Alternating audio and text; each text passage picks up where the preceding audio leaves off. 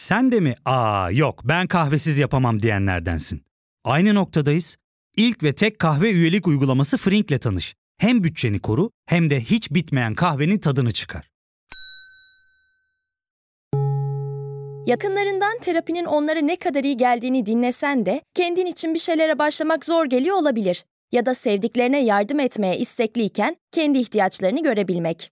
Hayvel, uzman psikologlarıyla kendi ihtiyaçlarını bulmanda sana destek olacak. Terapi yolculuğuna başlamak için detaylı bilgi bölümün açıklamalarında. Uyarı. Bu podcast'te bahsi geçenler kimileri için tetikleyici olabilir.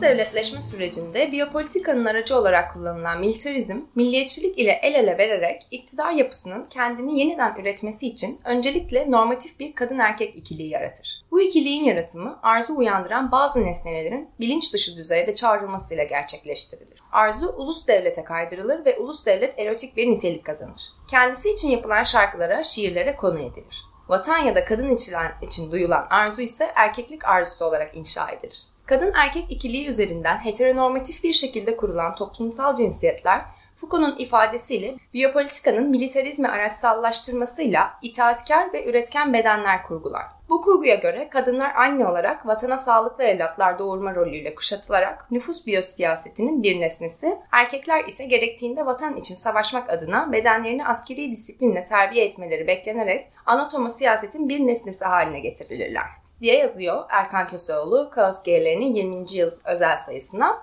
Bugün de Doğu Durgun'un Ses, Sessizlik ve Politik Faillik Türkiye'de ve İsrail'de antimilitarizmin cinsel politikası başlıklı makalesinden yola çıkarak Doğu ile antimilitarizm bağlamında toplumsal cinsiyet ve cinselliği konuşacağız. Merhaba Doğu, nasılsın? Merhabalar, iyiyim teşekkürler. Sen nasılsın? Ben de iyiyim. İlk defa böyle fiziksel olarak bir araya geldiğim konuğumsun. O yüzden birazcık heyecanlıyım. Ben ee, de Teşekkür ederim beni ağırladığın için evinde. Ee, öncelikle şey sormak istiyorum. Ee, neden böyle bir makale yazmaya karar verdin? Aslında bu senin tezin, ben bu makaleden yola çıktım ama bu senin tezin. Araştırma sürecinden ve öncesinden biraz bahsedebilir misin? Hı hı. Ee, evet dediğin gibi benim doktora tezimdi. 2010 yılında doktora girdim. 2013 yılı gibi başladım tezi yapmaya ve 2017'de de tamamen yazma süreciyle hepsi bitti. Ama saha çalışması daha çok 2013 ve 2014 arasında devam etmişti. Neden yazmaya başladım? İlgilendiğim bir konuydu. Yani ilk ilgimi çekmesinin sebebi bir kere e, kişilerin e, yani bireysel olarak nasıl e, bu kadar hani ceberut ve güçlü bir devlete ve orduya hani karşı çıkmasını araştırmak istiyordum yani bu nasıl bir dönüşüm yaratabiliyor sorusu kafamda vardı. Yani birçok kişinin sorduğu da bir sorudur aslında. Hani vicdanla çok bilinen bir şey değil. Ee, hı hı. Ben de bilmiyordum o zamanlar çok fazla ne olduğunu aslında. Biraz öğrenmek için de e, araştırmak istedim. İlgimi çeken bir konuydu. Güvenlik konusu, işte ordu ve siyaset. Ama bunun biraz daha dediğim gibi gündelik yaşamda böyle daha bireylerin, e, grupların daha güçsüz, zayıf olarak düşünülen grupların bu süreçte hani e, aktör olup olamadıkları konusu e, ilgimi çekiyordu. Aktör olabiliyorlarsa nasıl olabiliyorlar? Hani zayıf dediğimiz e, hareket hareketler e, ya da eylemlilikler e, bu kadar e, büyük işte militarizm gibi e, ideolojilerde e, dönüşüm yaratabiliyor mu? Bunları soruyordum aslında birazcık. Ben de erkeğim. Ben de hani askere gitmesi gereken biriydim. Zorunlu askerlikte yapmak zorunda olan. Ve hani e, böyle bir e, kendimin de konum, konumu vardı zaten başlarken hani yapmaya, e, çalışmayı. Dediğim gibi yani bunlardı sebepleri daha çok. Peki karşılaştırma olarak Türkiye ve İsrail'i seçmenin karşılaştırma nedeni neydi? Bir karşılaştırma yapmak istiyordum ben. Hı hı. Hep yani karşılaştırmalı bir şey yapmak istiyordum. Sorularımı daha dönüştürebilir diye. Hani birazcık daha analitikleştirebilir diye. İsrail'i seçmemin sebebi de bir kere bölgeden olması ve hani e, bölgedeki e, Türkiye gibi gene militarist bir yapının hani çok böyle e, pekiştiği bir yer olmasıydı. Bir de özellikle işte toplumsal cinsiyet ve cinsellik konusuna girdiğimiz zaman da farklı bir yapının farklı bir rejimin olduğu bir yerde. Ve hani birazcık böyle araştırınca içine girince farklı olsa belirli benzerliklerin olduğunu gördüm. Bazı farklılıkların da olduğunu gördüm. Hani bunun iyi bir zemin aslında yaratabileceğini evet. düşündüm analitik olarak. Yani Türkiye ve İsrail birbiriyle e, biraz bağımsız e, ülkeler gibi gözüküyor. Hani ilişkileri var tabii ki işbirliği ama en azından e, politik olarak ama aslında baktığında hani bu konuda çok fazla benzerlikler taşıyan bir yer. Türkiye'de de İsrail'de de e, kimi kişiler için askerlik zorunlu, zorunlu askerlik Aynen. görevi var. Peki Türkiye'de ve İsrail'de kimler zorunlu askerlikten muaf? Türkiye'de bütün kadınlar zorunlu askerlikten muaf. Onun dışında işte muaflık süreçleri de var. İşte engelliler ya da e, işte eşcinseller e, muaf oluyorlar askerlikten. İsrail'de ise yani kadınlar ve erkekler aslında oraya gitmek zorundalar. E, ama işte dürzü kadınlar, Yahudi ama hamile çocuğu olan kadınlar askere gitmiyorlar. Aynı şekilde Filistinli vatandaşlar e, onların hiçbiri askere gitmiyorlar. Böyle yani tabii onun dışında farklı muaflık e, süreçleri de var. Mesela işte Profil 21 gibi kişilerin işte psikolojik sebeplerden dolayı ya da duygusal sebeplerden dolayı e, muaf olması ya da fiziksel sebeplerden dolayı muaf olması gibi farklı e, profil çeşitleriyle de muaf olabiliyor İsrail. Evet iki ordunun da kendi bir normal ve uygun kategorisi Aynen. var. Onun dışı kalanları. Aynen. E... Mesela Türkiye'de İsrail'de de aynı belirli bir yaş aralığında olması gerekiyor kişilerin dediğin gibi. Biraz ordunun içindeki cinsiyetçilikten bahsedelim istiyorum. İşte İsrail'de ve Türkiye'de e, kadın asker sayısı, işte profesyonel anlamda çalışan ya da e, askerlik süreleri gibi biraz onlardan bahsedebilir misin? Ee, yani tam olarak sayıları ben de bilmiyorum. Ee, askerlik süresi kadınların 2 yıl İsrail'de. E, İsrail'de. Erkeklerin 3 yıl ve e, işte rezerv oluyor daha sonra bu kişiler. Askerlikten e, ayrılıyorlar ama daha sonra rezervlere işte yılda bir kez gidip belirli bir süre boyunca e, bulunuyorlar. Hatta bazı kişiler kontratla beraber hani normal şey çalışmaya da başlayabiliyorlar. Türkiye'de kadınlar gitmiyor zaten askere. Önceden İsrail'deki yani mesela kadınların e, savaş combat soldier dedikleri o savaş askeri olamadıklarını e, biliyoruz ama işte bu 2000'lerle beraber dönüşüyor. Ama gene de hani daha az bir yüzde var. E, %8 gibi e, Türkiye'de ise kadınların zaten e, er olamamasından dolayı e, belirli bir ayrımcılığa doğuruyorlar orada. Mesela işte çok en üst konumlara gelemiyorlar promosyonda. Bir genelkurmay başkanı olamıyor bir kadın. Bunun sebebi de işte er pratiğini alamıyor olması. Evet. Zorunlu askerlikten muaf oluyor olması. Kadınların oranı ise Türkiye'de bu NATO içerisindeki en düşük oranlar, en düşük oran %1'i geçmiyor kadın askerlerin genel oranı Türkiye'de. Tabi akademilerde vesaire var hani kadın askerler. Bir de İsrail'de e, son dönemde dediğim gibi yani ilk başlarda e, daha kadınlar bunu daha ileride konuşacağız belki daha işte cinsiyetçi rollere atanıyorlar. Mesela sekreterya evet. işleri yapıyorlar işte. E, ama bu işte 2000'lerle beraber dönüşüyor. E, şimdi e, kadın eğitim pilotları yani pilot eğitimine açılıyor mesela kadınlar ve e, aynı şekilde LGBT'ler de yani daha açık kimlikleriyle askerlikte bulunabiliyorlar artık. Bu dediğim gibi 1990'lar 2000'lerden sonra İsrail'de dönüşen bir süreç oldu biraz daha. Ama gene de daha azlar evet. sayı olarak. Peki 80'lerden bugüne Türkiye'de hayatımıza giren psikoseksüel bozukluk, çürük raporu, pembe tezkere gibi askerlikten muaf olmayla alakalı kavramları birazcık açıklayabilir misin? Evet o da ilginç. 80'lerden bu yana dedin. Doğru yani bir yürürlük olarak bir e, uygulama olarak o zaman yürürlüğe giriyor. Öncesi nasıl aslında bu da ilginç bir soru. Yani hiç evet. bununla ilgili bir çalışma yok. Ee, ben de bilmiyorum. Ee, ama hani bu zamandan sonra Türkiye'de aslında LGBTİ ve artı kişilerin, erkeklerin e, askerden e, askerlikten muaf tutulması psikoseksüel bozukluk tanımlaması üzerinden oluyor. Bu çürük raporları da aslında psikoseksüel bozukluk olarak düşünüldüğü için askerlikte hala ordu tarafından eşcinsellik ve hani transseksüellik o şekilde düşünüldüğü için muaf raporu veriyorlar ve hani e, buna işte toplumda çürük raporu deniyor. Pembe tezkere e, deniyor. İşte bunlar aslında birbirinin aynı. Son dönemde ufak bir değişiklik oldu ama ondan da bahsedebiliriz. Çok yakın dönemde oldu. Aslında bu da ilginç bir şey çünkü e, belki hatırlıyorsunuzdur bu o, şey vardı zamanında Der Spiegel'de galiba bir e, Alman gazetesinde bir haber çıkmıştı. İşte dünyadaki en büyük işte porno arşivi TSK'da diye. E, bu 2010'lara denk geliyor vardı, olabilir. Evet. Tam hatırlamıyorum. 2010'ların biraz ardında.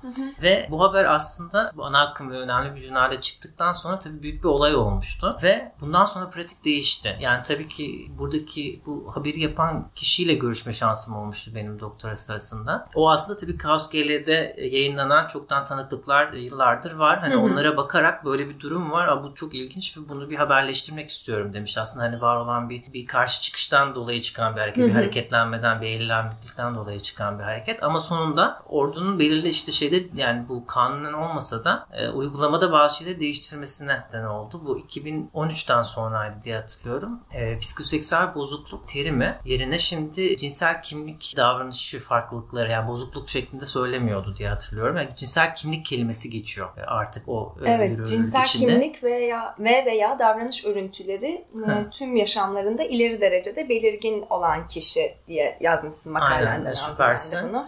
E, burada yani direkt aslında biraz şey böyle gender'a da yani toplumsal cinsiyete de varan bir şey. Yani sen eğer sorma söyleme politikası gibi birazcık aslında hani bu eskiden beri var olan bir şey. Sen hani eğer eşcinselliğini ya da e, LGBT kimliğini açık bir şekilde e, ortaya koymuyorsan e, bu e, bizim için bir sorun değildir bakış açısı evet, e, evet. baktığında. Ama e, şey terim olarak hani bir dönüşme var orada. Hani psikoseksüel bozukluktan cinsel kimlik kelimesine geçiş aslında bir bu eylemlikten sonra oluşan bir hani şeyi gösteriyor. Pozitif dönüşümü gösteriyor. Ee, yani öyle bir Hı-hı. farklılık olduğunda. Bu porno arşivi dedikleri de aynı zamanda mı değişiyor? Yani bir fotoğraflama zorunluluğu vardı Heh, hep o, konuşulan evet, bilinen. Evet evet oydu. Bu işte e, özellikle muaf olmak isteyen kişiler o dönemde cinsel ilişkideyken özellikle penetre edilen kişi olarak Hı-hı. fotoğraflarını yani bu tabii ki bir şey değildi. Açık bir şekilde yazılı bir şey değildi. Uygulamada böyle bir şey vardı. Evet. Ve bu aynı aynı dönem ondan sonraki bir döneme denk geliyor. Yani tam yakın bir döneme denk geliyor. Hani böyle bir tabii ki direkt bir nedensellik kurmuyorum. Hani öyle bir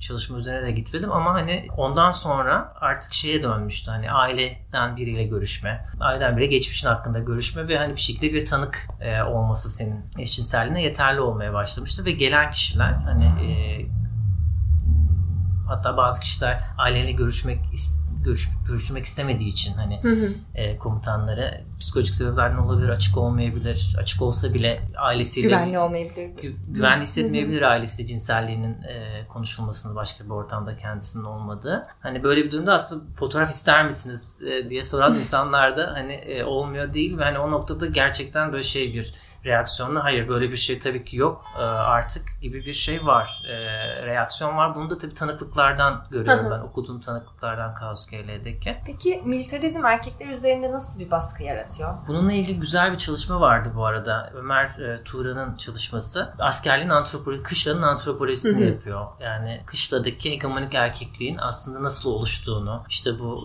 işte bağırma, ses, emir komuta zinciri, spor ya da işte daha ideolojik şeyden bakarsak işte kadınların aşağılanması ya da konumu kendi erkekler arasında konuşmalar içinde olabilir. E, cinsel içerikli ya da değil. İşte LGBT'lerin aşağılanması ya da farklı çeşitli işte e, şey fiziksel aktiviteler ve oradaki konumlanma üzerinden aslında erkeklerin bu hegemonik erkeklik altında nasıl dönüştüğünü e, evet. söylüyordu. Hani orada aslında güzel görebiliyorsunuz. Hani bu sadece kadın ve e, cinsel azınlıkları engelleyen bir e, durum değil. Aslında hani erkeklerin üzerine de belirli bir normu e, yaftalayan sağlayan ve o normun dışında kalan e, cis heteroseksüel erkeklerin de problem yaşayabileceği bir mekan olabiliyor. Evet. E, o da yani işte e, bu dışlamalar ve içlemelerle alakalı aslında. hani kimi e, içliyor, nasıl bir e, makbul vatandaş, nasıl bir makbul asker tanımı var. Ona bağlı. Hani bu tabii ki belki görece değişiyor olabilir kışladan kışlaya, komutandan komutana. Büyük ihtimal hani bu tarz nüansları da vardır kesin. Tabii, e, kışla içindeki çalışmalar çok az. Bununla ilgili pek bir şey bilmiyoruz. Ama genel olarak kurumsal olarak baktığımız zaman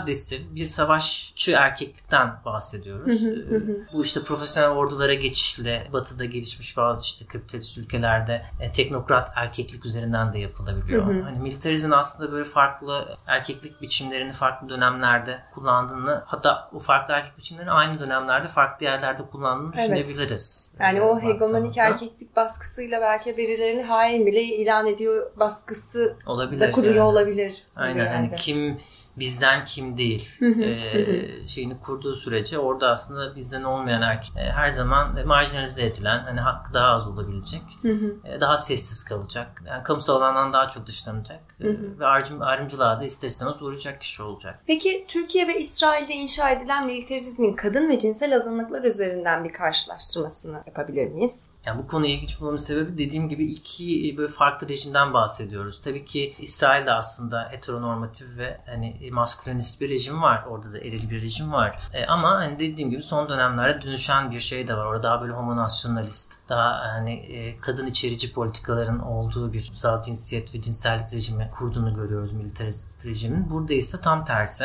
İşte e, kadın dışlayıcı ve e, yani görece dışlayıcı ve hani LGBT'yi dışlayıcı bir yani tam anlamıyla heteronormatif bir rejim kurduğunu görüyoruz. Hani bu ikiliğin, bu farklı ikiliğin iki militarist ülkede olması hani bir kere e, ilgi çeken bir noktaydı hani benim için. Bu farklılıklar içinde baktığımız o benzerlik ise şeydi. Yani baktığım benzerlik ise kadın ve işte cinsel azınlıkların e, her şekilde kamusal alandan belirli bir düzeyde dışlanması. Hı hı.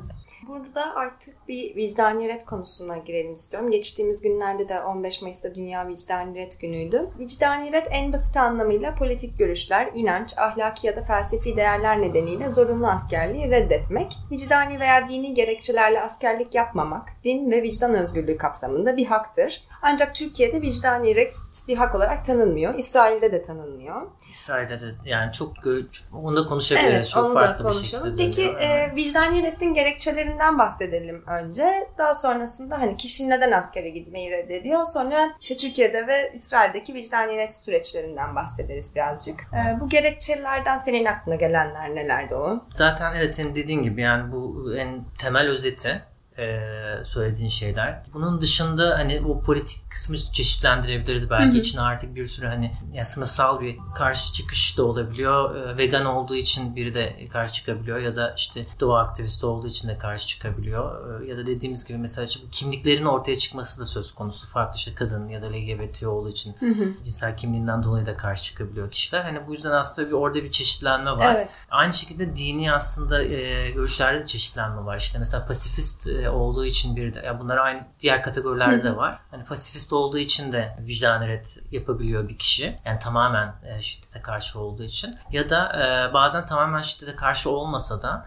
e, belirli bir düzeyde haklı savaşın olabileceğine inansa da savaşmak istemediği için ya da o savaşın içinde bulunmak istemediği için hani karşı çıkan kişiler evet. de olabiliyor. Ona işte seçici vicdan ret, total vicdan ret diye ayırabiliyoruz bu hı hı. ikisini. E, zamanında işte dini seküler vicdanet diye de bir ayrım yapan olmuştu Moskov. Birey emir almak ve vermek, itaat etmek, hükmetmek istemiyor olabilir demiş mesela Vicdani Red Derneği. Senin söylediklerine sanırım ek olarak bir de bu e, var benim notlarımda. Vicdani Red Derneği'nin hazırladığı Vicdani Red kitapçığından bu da. Evet, bu bana mesela daha total bir red gibi geliyor. Evet. Hani çünkü e, burada aslında sadece e, askerlikten ve kışladan bahsedilmiyor. Genel olarak işte otorite, iktidar ve hani bireyin buna karşı konumlanmasından bahsediyor ve bu çok aslında kurumda görebileceğimiz hani gündelik yaşamda deneyimleyebileceğimiz bir şey olduğu için hani daha böyle total bir red çizgisinde gibi geldi. Ee, Türkiye erkeklerin zorunlu askerlik görevini icra etmek durumunda olduğu vicdani reddin bir hak olarak tanınmadığı ve kadınların askerlik hizmeti yapmak zorunda olmayıp vicdani reddini e, ilan ettikleri tek ülkeydi. Hala öyle mi bilmiyorum ama bu konuda neler diyebiliriz. Yani kadınlar neden askerlik yapmak zorunda olmayıp Türkiye'de vicdani redlerini e, ilan ediyorlar? Bu soru aslında kadınların da sorduğu bir soru. 1990'larda kadın vicdaniyetçilerin yani daha e, 2000'ler başında çıkıyor kadın vicdaniyetçiler Türkiye'de. 90'ların ee, sonuna 2000'lerin başlarına doğru kadınlar kendi aralarında buluşuyorlar ve e, tartışmaya başlıyorlar. Hani problemlerini, sorunlarını tartışıyorlar kendi aralarında. Ve e, kendileri de aslında bu soruyu soruyor. Yani hani bizim bu antimilitarist hareket içinde bulunan kadınlardan bahsediyorum 90'ların başından beri. Hani neden bu hareketin içinde olduklarını, bu hareketin içinde nasıl bir konumda olduklarını, e, hareketin içindeki örgütlü mücadele verdikleri erkeklerle olan ilişkilerin nasıl olduğunu, dernek içinde neler yaşadıklarını, problemlerini ya da yaşadığı hani sıkıntıları birbirleriyle konuşmaya başlıyorlar. Ve hani bu bu soruyu kendine sorarak aslında bir yandan da hani kendi varsayımlarını kanıtsadıkları varsayımları biraz böyle yapı bozuma uğratıyorlar. Evet. Ee, ve hani e, sonunda aslında vicdan reddin sadece yani ya da antimilitarizmin sadece zorunlu askerliğe karşı olmak olmadığını ve hani askere gitmese de kadınların gündelik yaşamda ya da farklı ailede çeşitli çeşitli kurumlarda e, militarist orijinlerin yeniden ürettiği o e, erkek egemen toplumu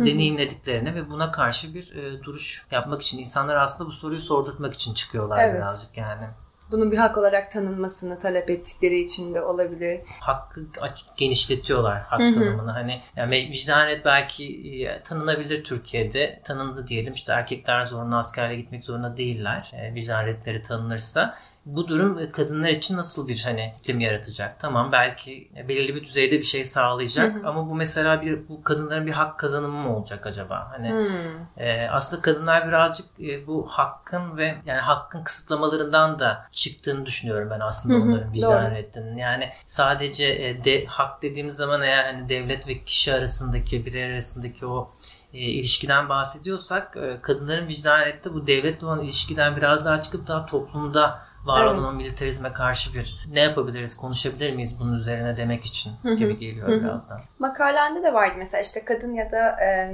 GBT olduğunda muhaf olabiliyorken e, askerlikten ya da zaten muhaf neden vicdani ret? İşte vicdani ret yapıyorsun tamam ama bunun bedelini ödüyor musun sorusu kadınlara yöneltilen. Evet. Bununla alakalı. Ya fark ettin mi? Biz en çok kahveye para harcıyoruz. Yok abi bundan sonra günde bir. Aa, sen Frink kullanmıyor musun? Nasıl yani? Yani kahvenden kısmına gerek yok. Frink'e üye olursan aylık sadece 1200 TL'ye istediğin çeşit kahveyi istediğin kadar içebilirsin. Günlük 40 TL'ye sınırsız kahve mi yani? Çok iyiymiş. Aynen. Hatta şu anda 200 TL'lik bir indirim kodu da var. E hadi hemen indirip üye ol da bu fırsatı kaçırma.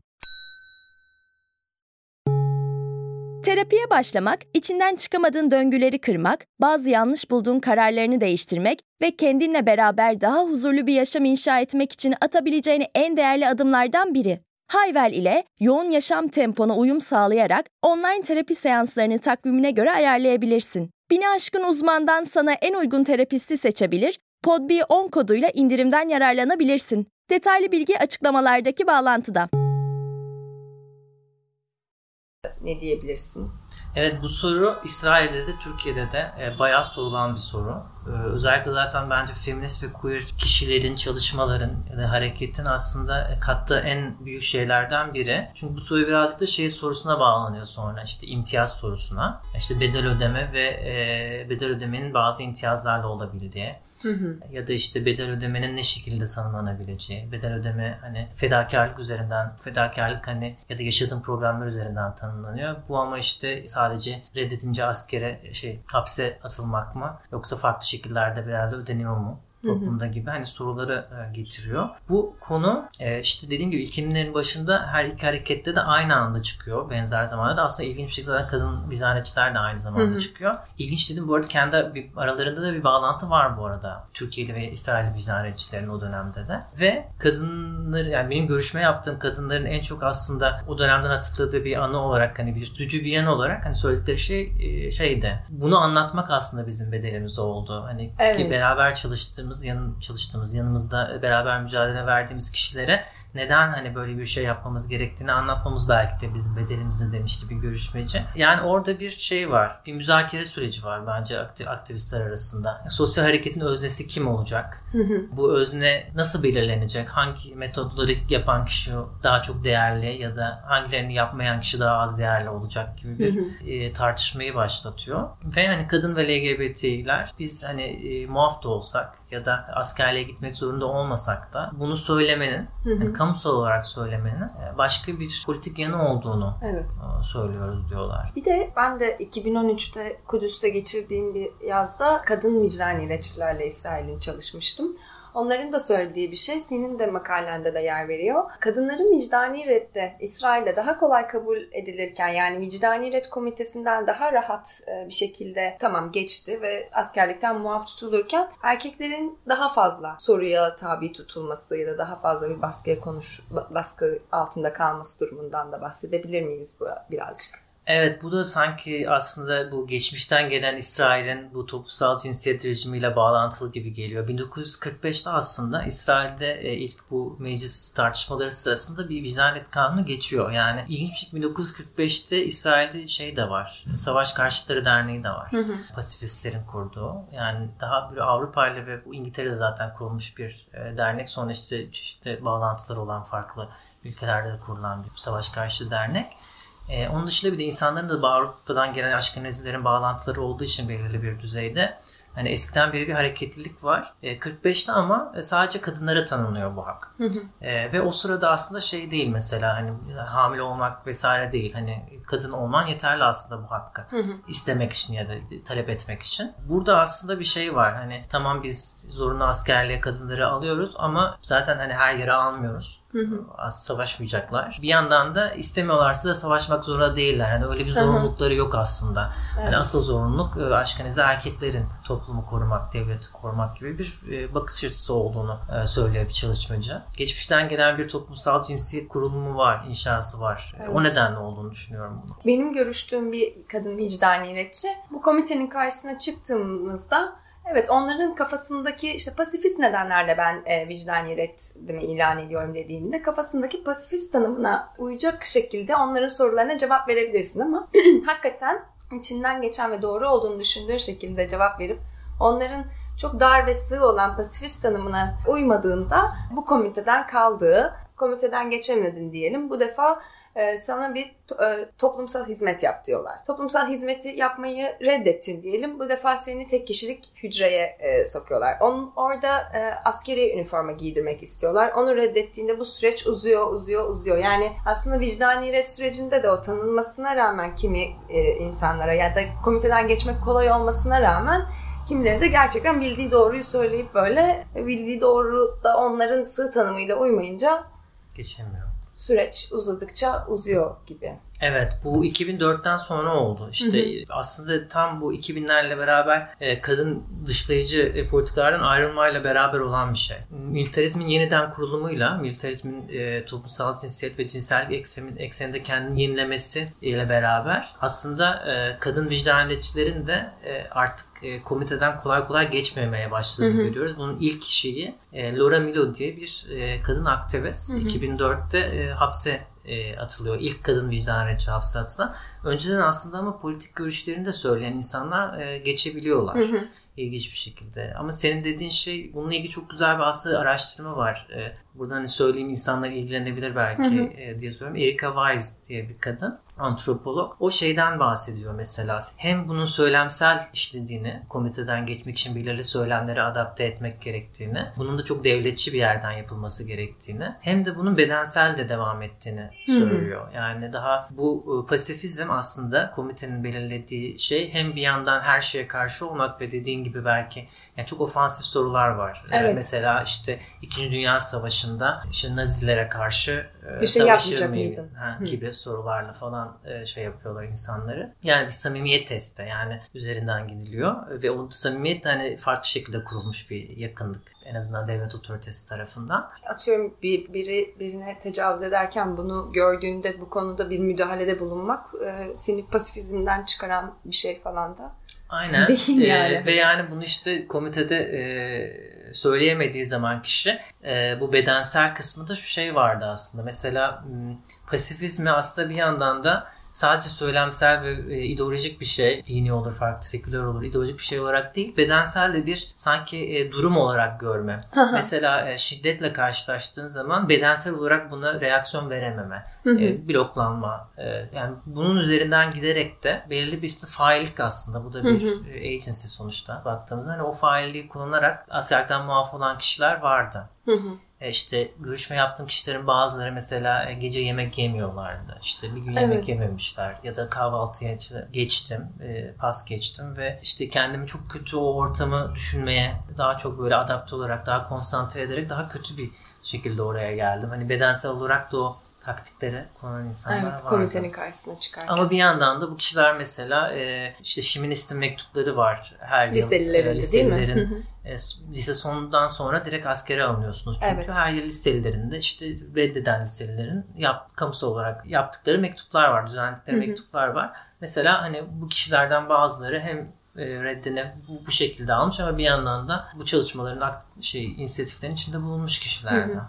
Peki ordu, savaş ve militarizm ile kadın, LGBTQ artı bireylere yönelen gündelik kurumsal ve sistemik cinsel, cinsel şiddet arasında nasıl bir bağ var? Yani baktığımız zaman aslında şiddet, savaş e, sadece işte belirli kısıtlanmış bölgelerde, kışlada ya da o e, tırnak içinde er meydanında, o savaş Hı-hı. meydanında yaşanmıyor. Hı-hı. E, çünkü şiddet bir döngü yani hem yaşandıkça dönüşen e, insanları üreten hem de bir yandan e, yeniden başka bir şiddeti doğuran bir şey ve bunun aslında farklı e, bir gibi. farklı alanlarda Hı. tezahürleri var. Bunu bir merkez bir çember gibi düşünürsek belki hani savaş alanını oradan yayılan farklı dozajda militarizm var ve gündelik yaşamda da e, şiddeti ortaya çıkartabiliyor bu durum. Hı hı. Yani bir çalışmasında Ayşegül Altınay bahsediyordu ki zaten kadın mücadelecilerin de söylediği bir şeydir. E, yani bu e, askeri eğitimi alan erkekler eş olabiliyorlar. Yani Hı hı. Ve eş oldukları zaman evde de bir komuta zinciri olabiliyor. İlginç bir şekilde bu Türkiye'deki kadın vicdaniyetçilerin bazıları işte askeri ailelerden geliyorlar aslında. İşte babaları İlginç. asker ya da ne bileyim e, küçükken askeri sitelerde büyümüşler. Şey tanıklıkları, anlattıkları şeyler aslında buna da karşı bir e, reaksiyon olduğunu söylüyor. Çünkü biz bunu biliyoruz ve biz evet. bunu yaşadık aslında özel hayatımızda da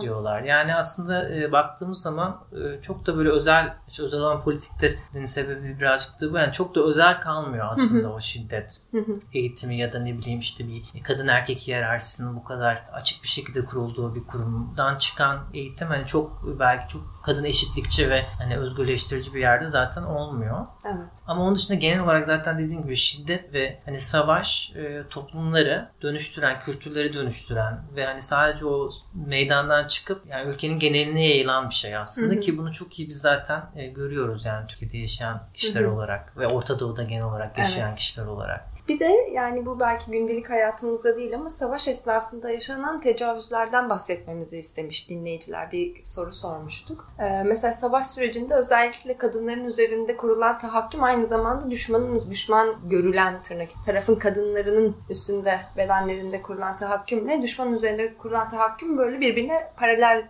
gidiyor gibi. Bu konuda senin söyleyeceklerin nelerdir? Yani bence bu bile aslında e, antimilitarist ya da işte vicdani reddini ilan eden savaş karşıtı olması için gayet e, gösterilebilecek potansiyel bir bedel yani Tabii aslında. Ki. Hani... Tabii ki baktığında zaten şey yani bu e, temel sebeplerinden biri kadın vicdaniyetçilerin çıkmasının. E, çünkü aslında savaşın dedi az önce konuştuğumuz gibi hani savaşın sadece işte cis heteroseksüel erkeklerin işte bedenlerinin kullanıldığı ya da işte onların e, öldüğü ya da öldürüldüğü bir alan olmadığı aslında kadın bedeni üzerinden de çok fazla e, üretilen bir yer olduğunu söylüyorlar ve hani burada baktığımızda hani bu total savaş dediğimiz şey bu işte Birinci Dünya Savaşı ile beraber başlayan savaşla beraber hani Birinci Dünya Savaşı'nda değil ama İkinci Dünya Savaşı'nın özellikle hani sonlara doğru artık kadın tecavüzlerini yani böyle açık bir şekilde bir savaş stratejisi olarak kullanıldığını evet, görüyoruz. Evet. Yani hani bu karar verilen belki hani kanunen değil ama hani şey karar verilen ve hani belirli bir homososyal erkeklik şeyi evet. içerisinde oluşan bir e, durum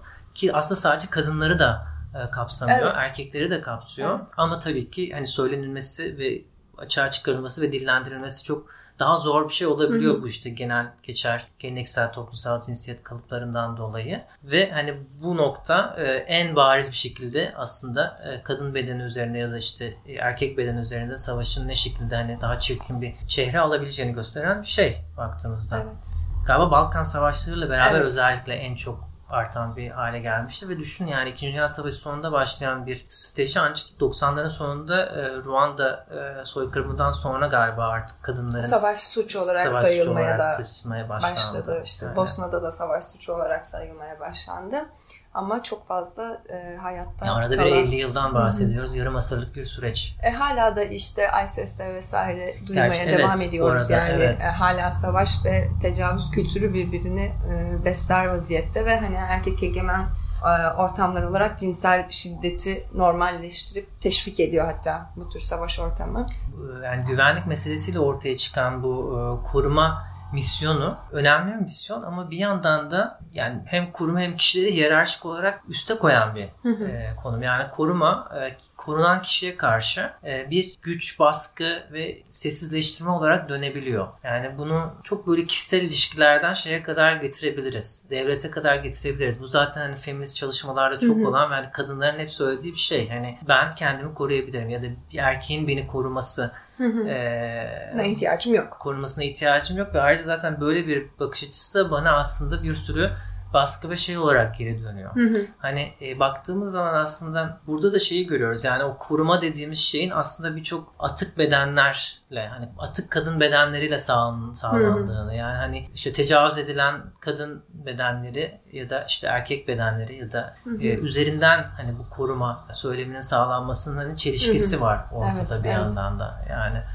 E, makalende Türkiye ve İsrail'de toplumsal düzeyde sessiz bir şekilde yeniden üretilen savaş, militarizm ve şiddeti deşifre etmek amacıyla yapılan bazı eylemlilikler, güzel ve yaratıcı eylemliliklerden bahsediyordun. E, birazcık bunlardan örnekler verir misin? Bir tane benim aklıma gelen kasa domates döküp arasından çürükleri ayıklamasını mesela beklemek. Bu Evet. e, şey yani bunu bu mesajı vermek. Evet. Ayıklayın bakalım ayıklayabilirsiniz çürükleri bu çürük raporuna bir göndermeyle sanırım. Evet, Diğer evet, örneklerden birazcık bahseder misin? Aynen e, bu e, Türkiye'de olan bir şeydi ve Milli Turizm Festivalleri kapsamında olmuştu. 2004, 2005, 2006'da üst üste düzenlenen 3 yıllık böyle geleneksel Milli Turizm Festivalleri yapıldı. 1, 2, 3 diye İzmir, Ankara ve İstanbul'da. Bu festivaller aslında kadın vicdan retçilerin çok fazla içinde bulunduğu, organize ettiği bir yandan da çıkışına neden olan şeylerden de biridir. İkisi birbirine çok Hı hı. e, bu eylemliliklere baktığınız zaman o performatif eylemliliklere hani bu festivaller içindeki kadın ve LGBT vicdan retçilerin ortaya koydukları taleplerle çok bağlantılı olduğunu Hı hı. görüyoruz. Nedir mesela? İşte e, dediğin gibi bir kasa işte çürük ve çürük olmayan e, domateslerin bir askeri hastanenin önüne Hı hı. konulması e, birçok böyle farklı gündelik yaşamda e, yanından geçtiğimiz ama fark etmediğimiz e, militarize olmuş e, alanlarda yapılmıştı. Evet.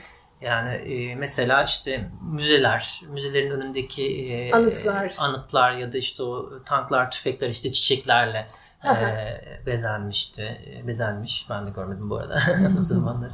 Ya da işte bir domates salçası bırakarak kasaya bir süpermarkette. Aslında o domates salçasının aslında Türkiye'de işte e, o yağın bir ürünü olduğu için ya da onun e, Ordunun. içinde bulunduğu Hı hı. ordunun e, ekonomik kurumunun içinde bulunan bir firma tarafından üretildiği için hani nasıl militarize olabildiğini Hı hı. e, göstermişti. Yani bu tarz böyle gündelik yaşamda kanıksadığımız, fark etmediğimiz ama bir yandan da e, bizi bir şekilde militarize eden yani ordu çıkar, istek ve arzuları üzerin, Hı üzerinden e, yeniden kurgulayan hani tüketim alışkanlıklarını, kimlikleri vesaire bir e, sürecin olduğunu hani bu gizli, gizli daha örtük. E, militarizmi toplumdaki ortaya çıkaran eylemlerdi. Evet. E, aslında baktığında da zaten talepler buydu. Hani e, sadece kışlada durmasın bunu yapmak istiyoruz demekti. İsrail'de de benzer bir şekilde özellikle mesela bu, bu pink washing gibi e, tartışmaları Evet. üzerinden Pembeye, pembeye boyama. boyama, e, işgali pembeye boyama tartışmaları üzerinden e, bazı aktivistler işte mesela e, pembe bir duvarla e, LGBT Pride yürüyüşünü bloklamışlardı. Hı Üzerlerinde işte işgale hayır yazarak ya da Evet. işte işgal pembeye boyamaya hayır yazarak. Hani bu tarz böyle alanı e, anlık kullanarak bu e, gündelik yaşamda o anlık kurulan iktidarı iyi transkres etme ne denir ona? Çomak sokma gibi. Bir çomak sokma gibi hani e, böyle performatif eylemler düzenlediler. Onun Ee, dışında şey- zaten kamusal de- deklarasyonlar da bir Evet. baktığımız zaman. Pembeye boyama da işte LGBTQ artı dostu şekilde yansıtarak ya böyle işte militer ya böyle daha işte pazar algısıyla yapılan bir şeyleri aslında dostuymuş gibi gösterme pratiğine deniyor. Belki onu Evet. açıklamak gerekir. Ve şey vardı değil mi? İşgalin onuru olmaz gibi. Çünkü hani aynen, İsrail çok pardon, böyle evet, öyleydi. LGBTQ plus dostu bir yermiş gibi işte buranın cennetiymiş gibi yansıtılıyor. Aslında çelişkiye dikkat çekiliyordu orada Aynen, da. aynen. Yani bir kesimin özgürlüğü e, başka bir kesimin dominasyonu e, anlamına gelmemeli diyordu aslında. Evet, tam E, öyle. bir nevi hani bu e, pembeye e, boyamaya karşı olanlar. Tabii o ikircikli bir konu. Bana ilginç geliyor o konu. Yani bir yandan da aslında o hani sonuçta e, ana akımlaştığını gösteriyor e, LGBT hareketin ve bir yandan da o ana akımlaşmayla beraber ne gibi çelişkiler yaşayabileceğini gösteriyor hani şeyin. Evet. Türkiye'deki LGBT hareketi içinde aslında bir şey oluyor e, baktığımızda bir, bir örnek teşkil ediyor. Yani işte kaos geylerinin vicdanı tanınsın ama askere gitmek isteyen e, eşcinseller de gidebilsin. Hani. Söyleme aslında birazcık bu hani örnek üzerinden baktığımız zaman şeye temelleniyor. Hani LGBT'lerin hani güçlenmesi aslında sağlanabiliyor bir yandan da Hı e, orduyla beraber. Ya da ya burada kaos geylerinden tamamen çıkıyorum. Hı. bir şey söylüyorum. Ama bir yandan da bu hani daha fazla katil üretmeye de neden olabiliyor yani. Evet. Ee, ya da ne bileyim mesela aynı kişiler bu çok tartışılan bir konuydu ve en çok konuşulan şeydir genelde pembe boyama tartışması yapıldığında. Ee, aynı ordu yani işte medya temsilcisi e, açık kimlikle eşcinsel olan bir ordu bir yandan da işte Filistinli e, LGBT artıları e, şantaj yoluyla onlardan bilgi sağlamak ya da onlara e, Evet. işkence edebiliyor. Bu konuları birazcık aslında ortaya çıkarma amaçlı eylemler yapılıyordu e, Evet. bu aktivistler tarafından. Ee, çok teşekkürler Doğu. Eklemek, söylemek, senin sormak istediğin bir şey var mı? Ben teşekkür ederim. Yani şu an eklemek istediğim bir şey yok benim de. Ee, sormak istediğim şeyler de şu an aklıma gelmedi direkt. O zaman çok teşekkürler Doğu. Ben Ee, teşekkür ederim. Bir sonraki bölümde Erdem Oraylı ile ghosting yani hayaletleme konuşacağız. Haftaya görüşmek üzere.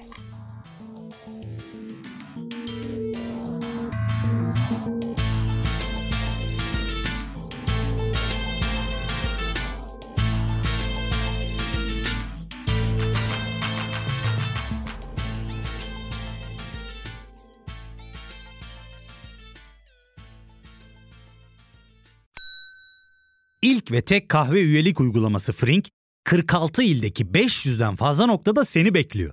Açıklamadaki kodu girerek sana özel 200 TL'lik indirimden faydalanmayı unutma.